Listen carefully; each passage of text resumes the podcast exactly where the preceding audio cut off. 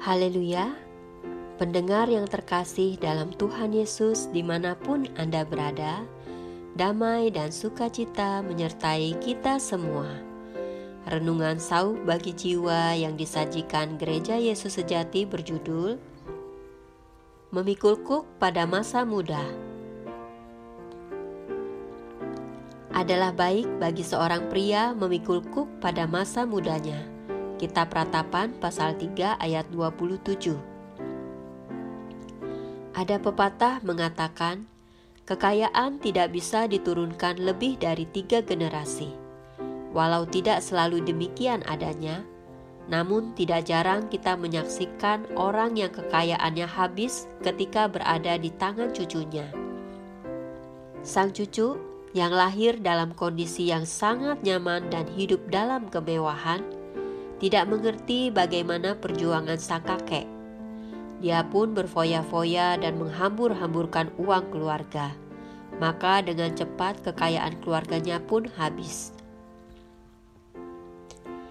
Karena itu Alkitab berkata, adalah baik bagi seorang pria memikul kuk pada masa mudanya. Artinya, ketika seorang anak masih kecil, adalah baik bagi dia mengalami sedikit penderitaan agar dia lebih mengerti akan perjuangan dan nilai hidup. Anak yang dilahirkan dalam keluarga yang serba berkekurangan, bila dia menginginkan sesuatu, dia pun harus berjuang untuk mendapatkannya. Dengan demikian, anak tersebut akan memiliki semangat juang yang tinggi Berbeda dengan anak yang dilahirkan dalam keluarga yang memiliki segalanya dan tidak pernah merasakan penderitaan.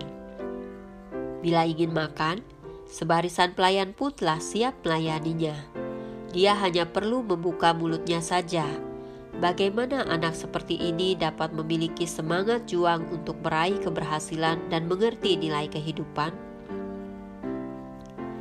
Demikian pula dengan perjalanan hidup kerohanian kita kita perlu memikul kuk penderitaan agar rohani kita bisa bertumbuh menjadi dewasa. Segala kesusahan yang melanda kita sebenarnya adalah hadiah dari Allah. Hanya orang yang telah dewasa rohaninya baru dapat mengerti akan hal ini.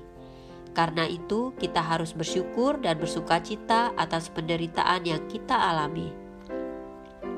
Orang dunia dengan kacamata jasmani akan melihat penderitaan sebagai sesuatu yang melukai dirinya. Tetapi orang Kristen dengan kacamata rohani akan melihat penderitaan sebagai sebuah anugerah dari Allah. Tentu kita ingat bahwa anugerah terbesar dalam hidup ini adalah anugerah keselamatan yang berasal dari penderitaan besar yang ditanggung oleh Tuhan Yesus dengan mengalirkan darahnya di atas kayu salib. Tuhan Yesus pernah berkata, Akulah pokok anggur yang benar dan Bapakulah pengusahanya.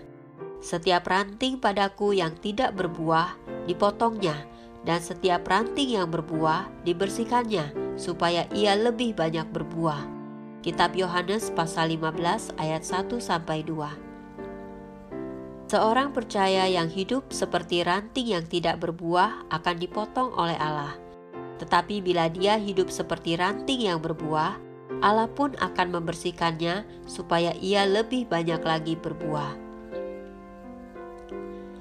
Bagaimana Allah membersihkan ranting agar ia semakin banyak berbuah?